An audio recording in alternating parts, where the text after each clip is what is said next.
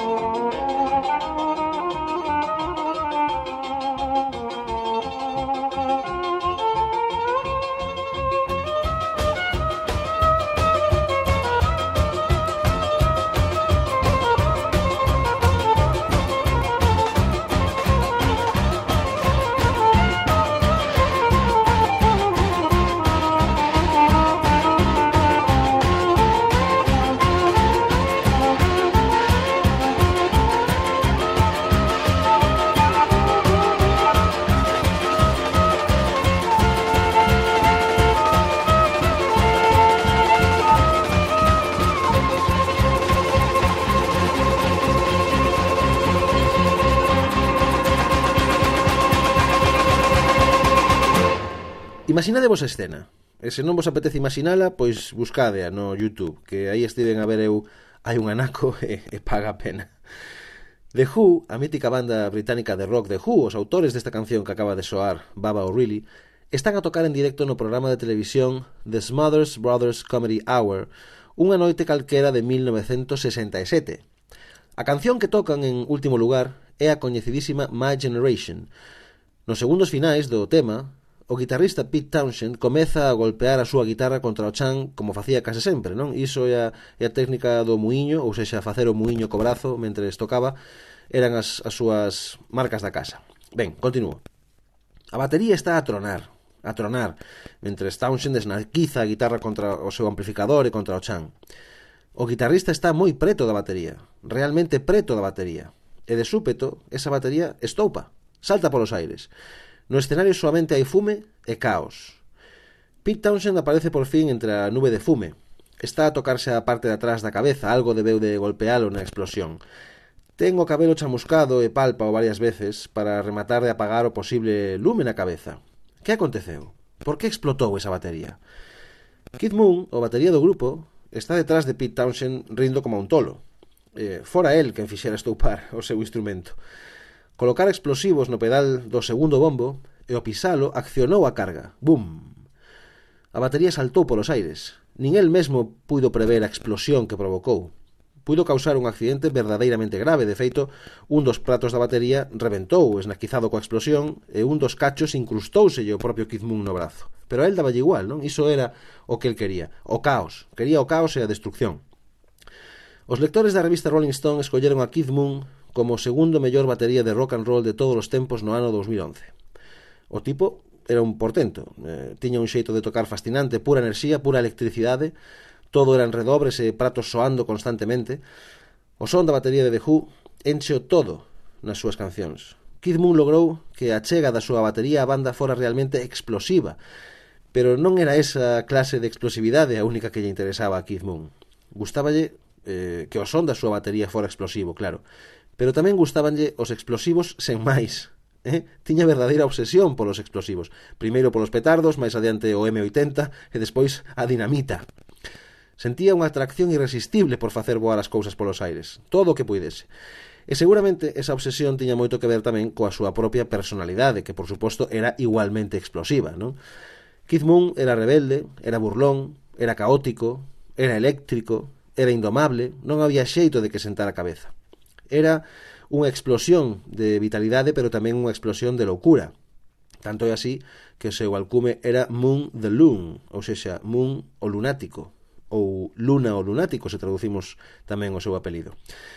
E a esa excentricidade e hiperactividade imos adicar o programa de hoxe. Non era difícil acertar co tema por todo o que contei ata agora, eh? Hoxe, en cara B, o lado explosivo de Keith Moon,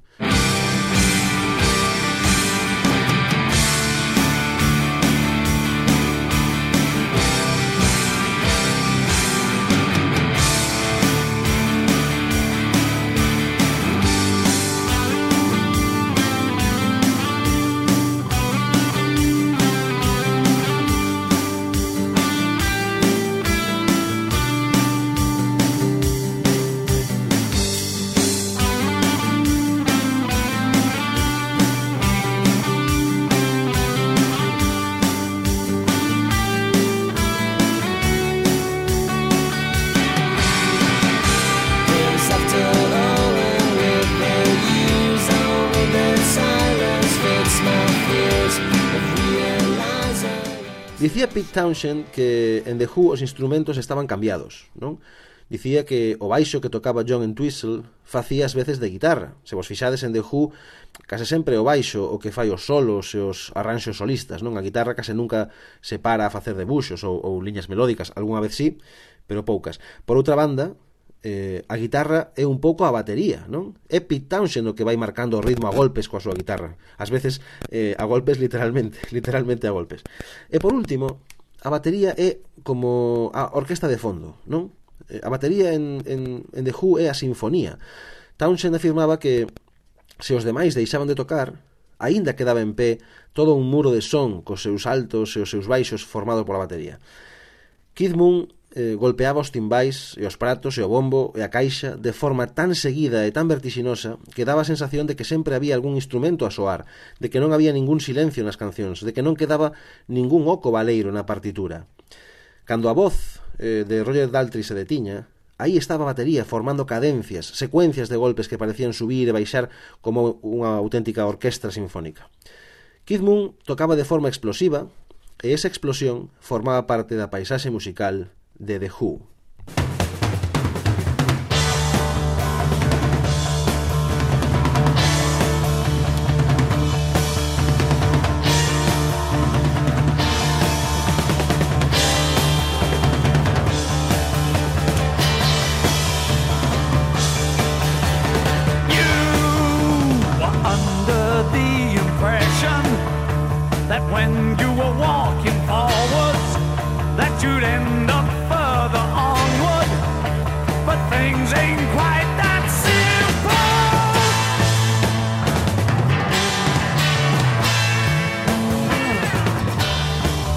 Got altered information.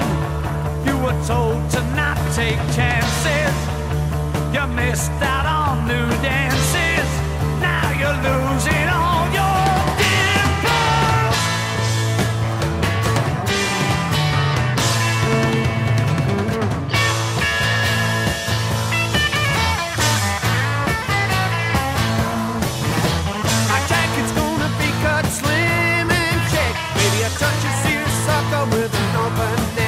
prodigy.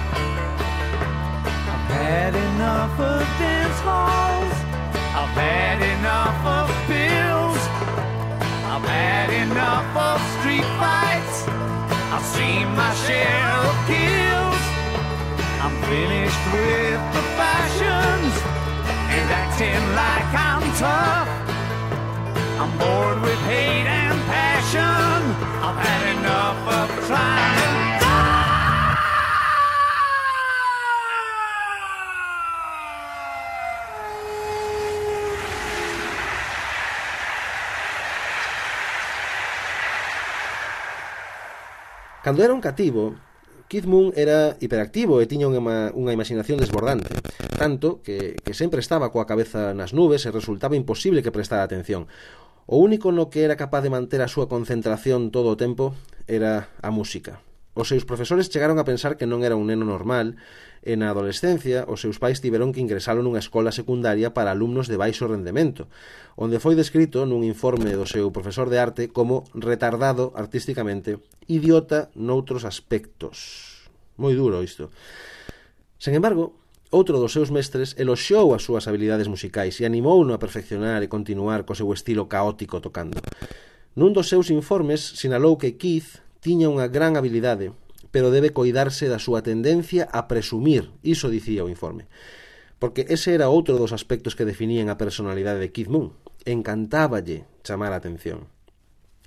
Entrou en The Who aos 17 anos, substituindo a Dove Sandom, despois de que a banda recibira a noticia de que non ían poder obter un contrato de grabación se non fichaban un batería mellor. E a súa chegada ao grupo foi determinante eh, foi o elemento que, que Daltrey Townshend en Twistle precisaban. Nos seus inicios, The Who querían diferenciarse de outras bandas da época, e niso Townshend e Moon atoparon o xeito perfecto de facelo, deixando que as súas ansias por chamar a atención se desatasen, non? Tiveron a idea de esnaquizar os seus instrumentos e equipos musicais cando os seus concertos chegaban ao seu fin, e a prensa non tardou en comezar a falar daqueles tolos que parecían amar tanto a música como a destrucción.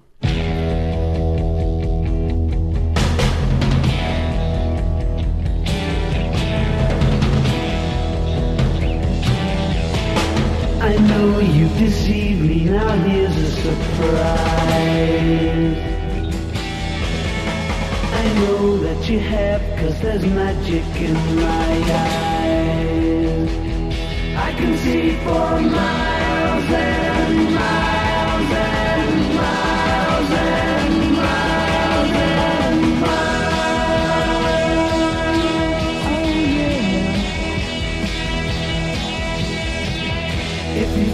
that I don't know about the little tricks you play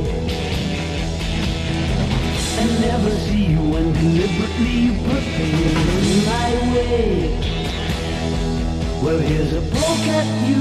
You're gonna choke on it too. You're gonna lose that smile because all the while I could see for miles and miles. I could see for miles and miles. I see for miles and miles and miles and miles and miles. Oh yeah. You took advantage of my trust in you when I was so far away.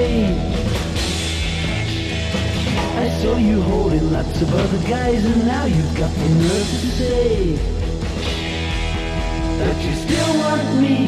Well, that says maybe, but you gotta stand trial because all the while I can see for miles and miles. I can see for miles and miles. I can see for miles and miles and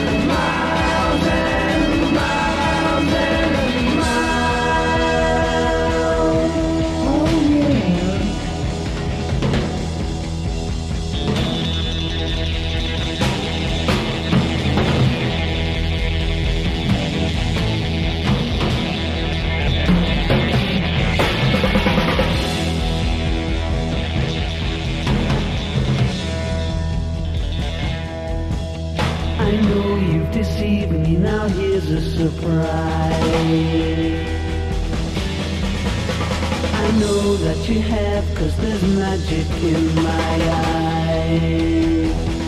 I can see for miles and miles and miles and miles and miles. Oh yeah. The Eiffel Tower and the Taj Mahal feel clear days. You thought that I would need a crystal ball to see right through the haze. Well here's a poke at you, you're gonna choke on it too. You're gonna need that smile, because all the while I can see for miles and miles. I can see for miles and miles. I can see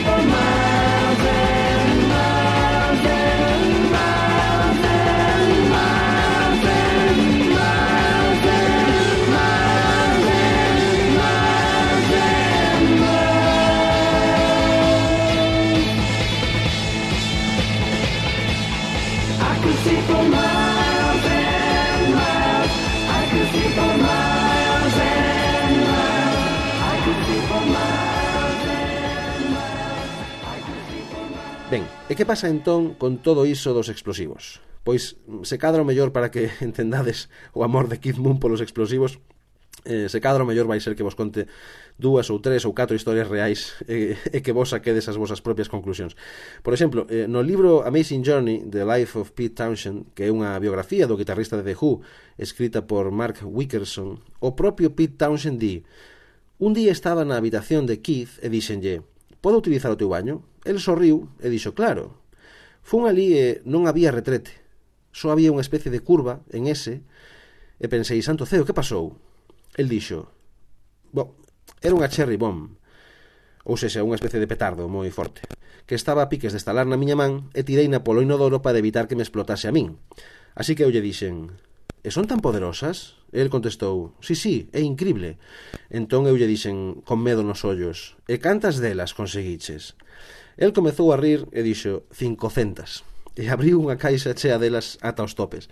Desde ese momento, remata de contar Townshend, botáronnos de todos os hotéis en que estivemos. Claro, a Kidmoon, como estaba a contar, gustaba lle ver o mundo arder, ou gustaba lle ver o mundo estoupar, máis ben. Esnaquizou habitacións de hotéis, esnaquizou as casas dos seus amigos e tamén a súa propia casa, tiraba os mobles, eh, tiraba os electrodomésticos que podía polas ventás e mesmo chegou a prenderlle lume a algúns edificios. Ou sexa, moi ben da, moi ben da cachola non estaba, non? En certa ocasión, eh, a banda debía dar un concerto no, no estadio do Charlton Athletic eh, estaban a agardar por Keith Moon nunha caseta que facía as veces de vestiario ás veces de camerino, non? Eh, e así foi descrita a aparición eh, do batería de The Who. Abro comiñas. De súpeto, produciuse un gran estrépito e Keith Moon caeu a través do teito abríndose camiño mediante unha explosión no tellado. eh, con respecto ao de botar explosivos polos váteres, estímase que a destrucción de baños e tubaxes causada por Keith Moon en hotéis e casas superou os 500.000 dólares. Ou sexa, como para invitalo a cear teu piso, non? Eh, as continuas desfeitas de Keith obrigaron a banda a aloxarse nos arredores de Nova York eh, cando tiñan concertos ali porque no centro xa ningún hotel lles quería dar aloxamento. Eh, e a repetida práctica de Keith Moon de voar os retretes ali onde estivera eh, levoulle a, a, a ter prohibido para sempre a título persoal eh, o aloxamento en varios hotéis e cadeas hosteleiras do, do mundo como Holiday Inn, Sheraton, Hilton e tamén o, o Waldorf Astoria. E vos diredes, pero a ver, como llevan, como llevan prohibido entrar nun hotel de por vida, non? Eu conto vos por que non lle deixaron eh, por que non lle deixaron aloxar, eh, aloxarse nunca máis nun Holiday Inn e vos pensades eh, o que faríades se foran os vosos hotéis.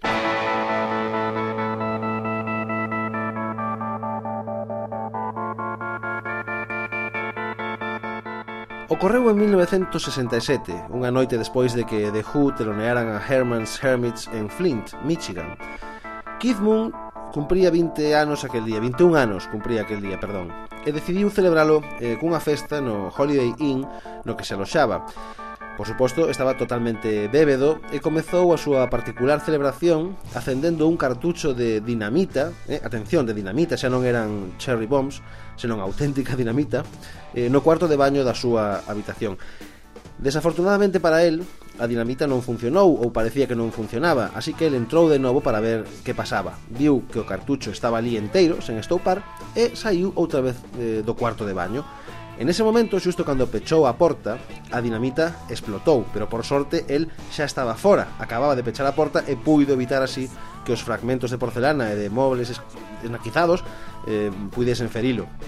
A continuación subiu a un Cadillac e lanzouse eh, con el, conducindo ese Cadillac á piscina do hotel. E por qué? Pois vai a saber, pois, porque estaba como unha cabra. Eh, ata ese día os donos dos hotéis Holiday Inn toleraban estes actos de Keith Moon a condición de que despois a banda, de Who, eh, pagase todos os gastos pero despois daquela extraña festa de aniversario pois tomouse a decisión de que nin Keith Moon nin ningún dos membros de The Who eh, podían volver a entrar nunca máis en ningún Holiday Inn de por vida E atención, tampouco podían volver a entrar na cidade de Flint, en Michigan. Ollo a iso, eh? Kid Moon estaba tan obsesionado por facer estoupar os retretes que cando a Nick Harper lle preguntaron sobre os seus primeiros recordos con The Who, o primeiro que lle deu a, a memoria, o primeiro que mencionou foi isto. Acórdome de Kid Moon voando aos baños. Increíble. Segundo a biografía de, de Tony Fletcher, eh, o uso da pirotecnia por parte de Keith Moon comeza en 1965, cando comprou aquelas 500 cherry bombs das que falaba Pete Townshend. Eh, pero como vos contaba ao comezo do programa, o pouco tempo as cherry bombs quedaron atrás É dicir, quedaronlle pequenas, non? E, eh, e, eh, e eh, Keith Moon comezou a utilizar explosivos cada vez máis potentes ata chegar aos cartuchos de dinamita que era eh, o explosivo que se convertería no seu no seu explosivo preferido para esnaquizar os baños. Sei que sei que todos temos algún explosivo favorito para para esnaquizar cousas. En fin, el dicía, ver toda esa porcelana voando polo aire é algo inesquecible. O curioso é que en The Who non era o único que, des que desfrutaba con esta teima de facer saltar os, os cuartos de baño polos aires. Nunha entrevista eh, no ano 1981 co diario Los Angeles Times, John Entwistle, o, o baixista de The Who, confesou Moitas veces, cando Keith facía explotar os cuartos de baño, eu estaba de pé detrás del cos mistos preparados, non? Hai unha anécdota curiosa, unha máis, vaya, de Keith Moon nun hotel cando o recepcionista pediulle que deixase de facer tanto ruido. A ver, en realidade, eh, Keith estaba a escoitar os Who, estaba a escoitar a súa propia banda eh, nun equipo de música eh, con un volume moi alto. Así que lo que fixo foi pedirlle ao recepcionista que subira ata a súa habitación e cando chegou acendeu diante del un cartucho de dinamita e tirouno eh, o interior do, do cuarto de baño pechando a porta. Claro, a dinamita explotou e tras a explosión eh, Keith mirou o recepcionista e díxolle Iso, querido amigo, era ruido. Entón volveuse cada cara ao reproductor de música e dixo E iso de aí é de Who. En fin, os actos vandálicos de, de Keith Moon, aínda que estaban seriamente influenciados polo seu abuso das drogas e o abuso do alcohol, de algún xeito eran a súa forma de dar saída á súa excentricidade, non? Aínda que quen o coñecía afirmaba que a Keith encantaballe provocar escándalos públicos, non? Na súa biografía, O seu asistente persoal e gran amigo eh, Dougal Butler comentou Keith facía calquera cousa se sabía que a xente que estaba ao seu redor non quería que o fixese. E mirade niso, pois, recórdame un pouco a min que queredes que vos diga.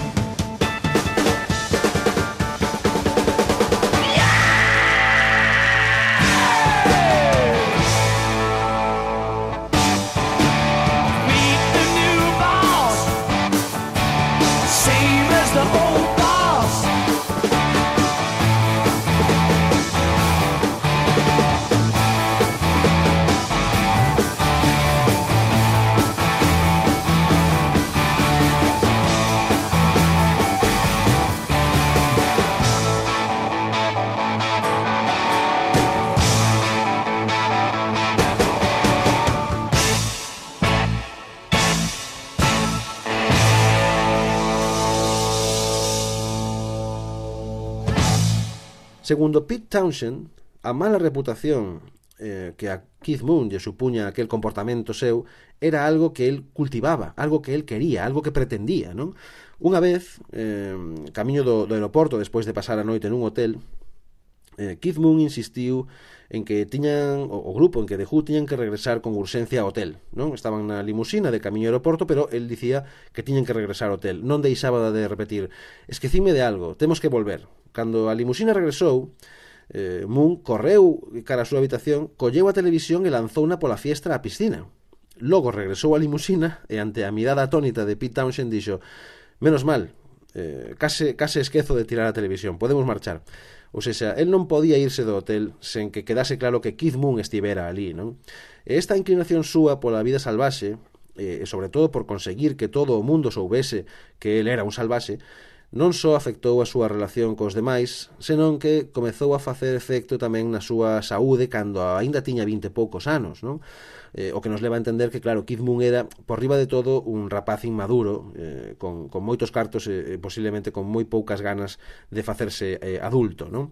Pero os seus problemas afectaban tamén a súa calidade tocando a batería e, e como non o seu compromiso con coa banda, non? O seu compromiso con The Who.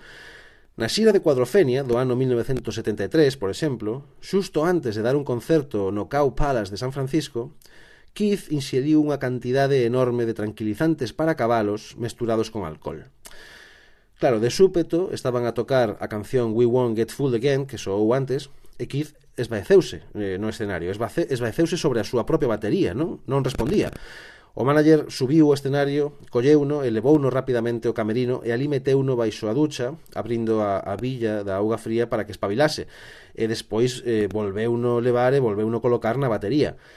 Keith eh, recompúxose un pouco e eh, puido tocar un pouco máis, un cachiño máis, pero esvaeceuse de novo cando estaban a tocar Magic Bass.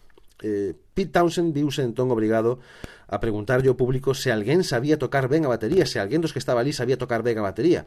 E un rapaz de 19 anos chamado Scott Halpin ofreceuse para sair tocar con eles, non? Xa que Keith Moon estaba desmayado, polo menos alguén había ali que sabía tocar algunha canción e podía tocar con eles. Este rapaz, Scott Halpin, de 19 anos, fixo o que puido durante un par de temas, bastante ben, podedes atopar o concerto en internet, eh, a ver, a fin e ao cabo seguida a, a de Juno non debía de ser moi sinxelo pero despois xa comezou a perderse e despois outras dúas cancións de Who decidiron finalizar a súa actuación, non? Decidiron pechar o concerto. Un dos mellores amigos de Keith Moon, eh, os batería dos Beatles, Ringo Starr, estaba seriamente preocupado polo estilo de vida de, do seu colega e eh, díxolle en certa ocasión que se seguía nese camiño ia terminar matándose. E Moon simplemente respondeu, sí, 吓谁？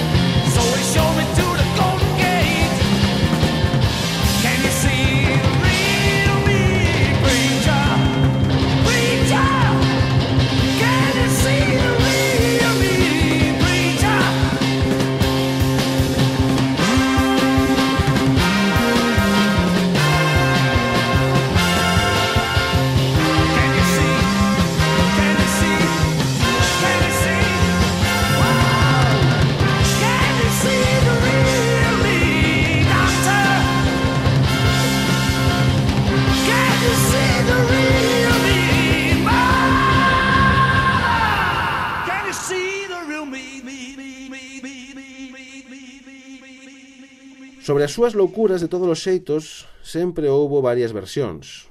Por exemplo, no que se refire á noite que meteu un Cadillac na piscina dun hotel que vos contaba antes, En realidade houbo varias declaracións distintas das testemunhas que ali estaban, non acompañando no seu aniversario, lembrade que cumpría 21 anos aquela noite despois de telonear a Herman's Hermits.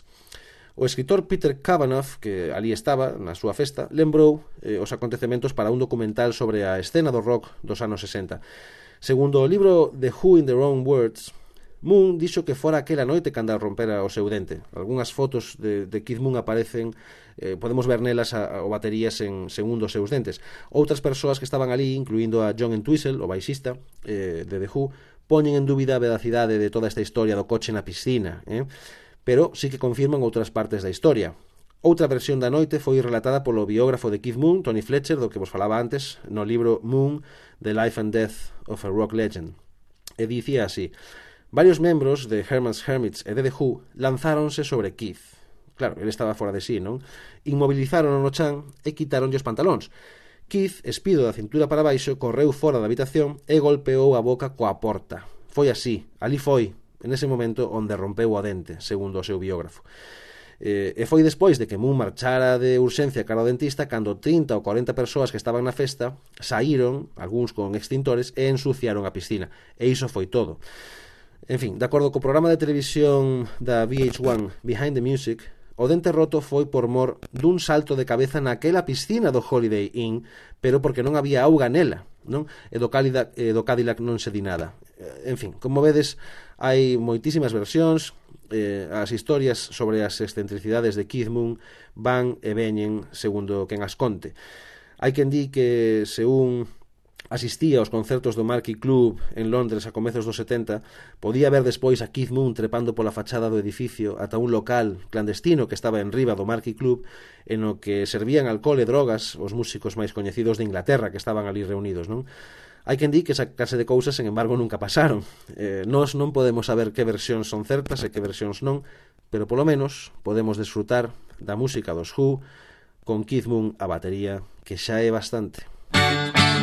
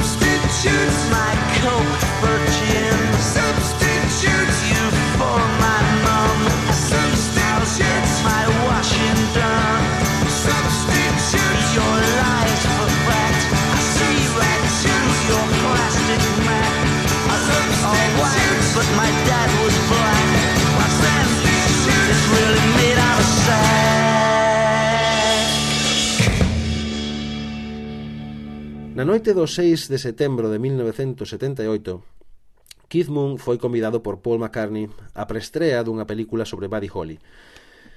Despois de cear con Paul e Linda McCartney en Peppermint Park, en Covent Garden, Keith Moon e a súa moza regresaron ao piso onde se aloxaban, que, por certo, lles prestara para aquela noite Harry Nilsson en Sheffer Market. Esa noite, Keith Moon inxeriu 32 pastillas de clometiazol. O clometiazol é un sedante eh, é un sedante que, que, que lle fora prescrito a el para superar os seus síntomas de abstinencia ao alcohol, do que estaba intentando desintoxicarse eh, pola súa propia conta, xa que a él eh, aterraba a idea de volver a outro centro de desintoxicación, a outro hospital de, de rehabilitación, non? Sen embargo, o consumo de clometiazol en casa, en casa e sen supervisión, está especificamente contraindicado debido tanto a súa alta capacidade adictiva como o risco de, de mesturar este medicamento co alcohol podendo provocar a morte, non? As pastillas, estas pastillas de clometiazol, eh, foranlle prescritas polo seu novo médico que non tiña coñecemento da, da natureza imprudente, da natureza explosiva e impulsiva de Kid Moon, eh, e tampouco tiña coñecemento este médico do seu longo historial de abusos cos sedantes que outros médicos lle, lle receitaron, non? Este médico novo, este doutor, eh, que atendía a Keith, receitoulle un frasco con 100 pastillas e indicoulle eh, que debía tomar só unha pastilla cada vez que sentira desexo de probar o alcohol, pero nunca máis de tres pastillas o día. Esa noite a policía determinou que había, eh, como vos contaba antes, 32 pastillas no seu organismo, sendo a digestión das seis primeiras suficiente para causarlle a morte como así foi. Morreu eh, aquel día, o 6 de setembro de 1978 78 pola, pola inxestión destas pastillas. Acababa de cumprir os 32 anos de idade. Que casualidade, eh? un ano por pastilla.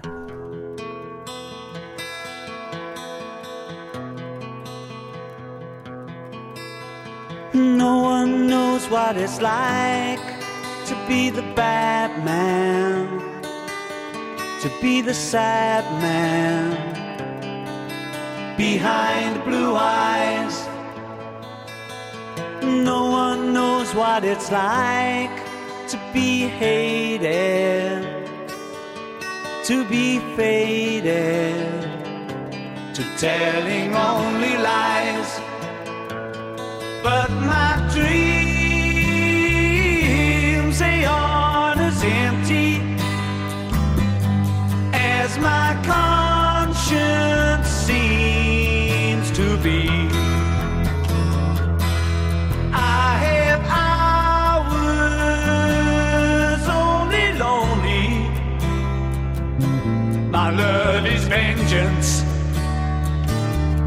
that's never free.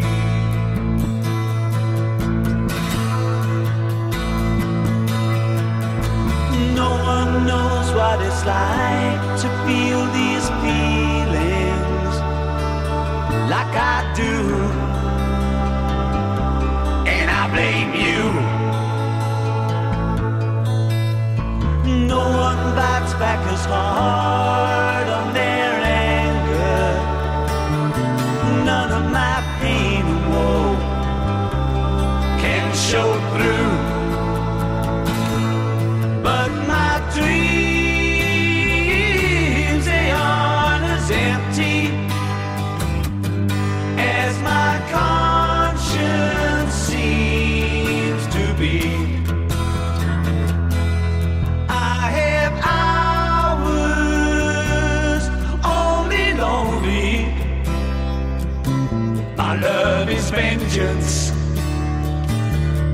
never free.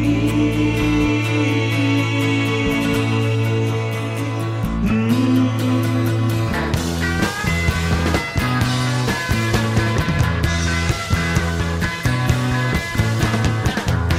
When my fist clenches, crack it open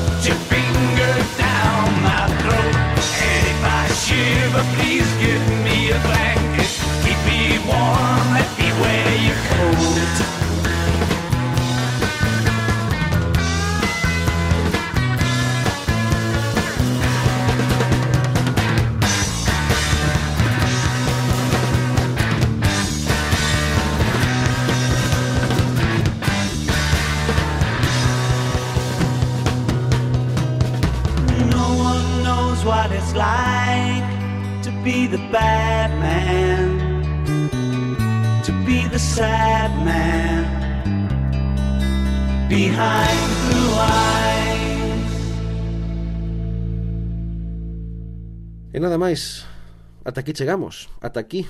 Un programa máis, outro máis, outra hora de historias e de música na que vos trouxemos pois un deses relatos escondidos nas páxinas que dan forma ás lendas musicais, outros outro deses episodios eh, que nos ofrecen unha cara descoñecida da música e dos seus protagonistas. A cara da que non moita xente escoitou falar case nunca, pero ben, para iso estamos nos aquí. a cara ve dos feitos cos que se construíron os mitos do rock, e o pop, como sempre decimos. Espero que a desfrutasedes tanto como a nós e que a vindeira semana regresedes connosco a este outro lado oculto da música. Agardamos por todos vos na nosa e polo tanto na vosa cara B. Coidémonos moito. I used to wake up in the morning I used to feel so bad Got so sick of having sleepless nights. I went and told my dad. He said, son, now here's some little something. And stuck them on my wall. And now my nights ain't quite so lonely. In fact, I, I don't feel bad at all.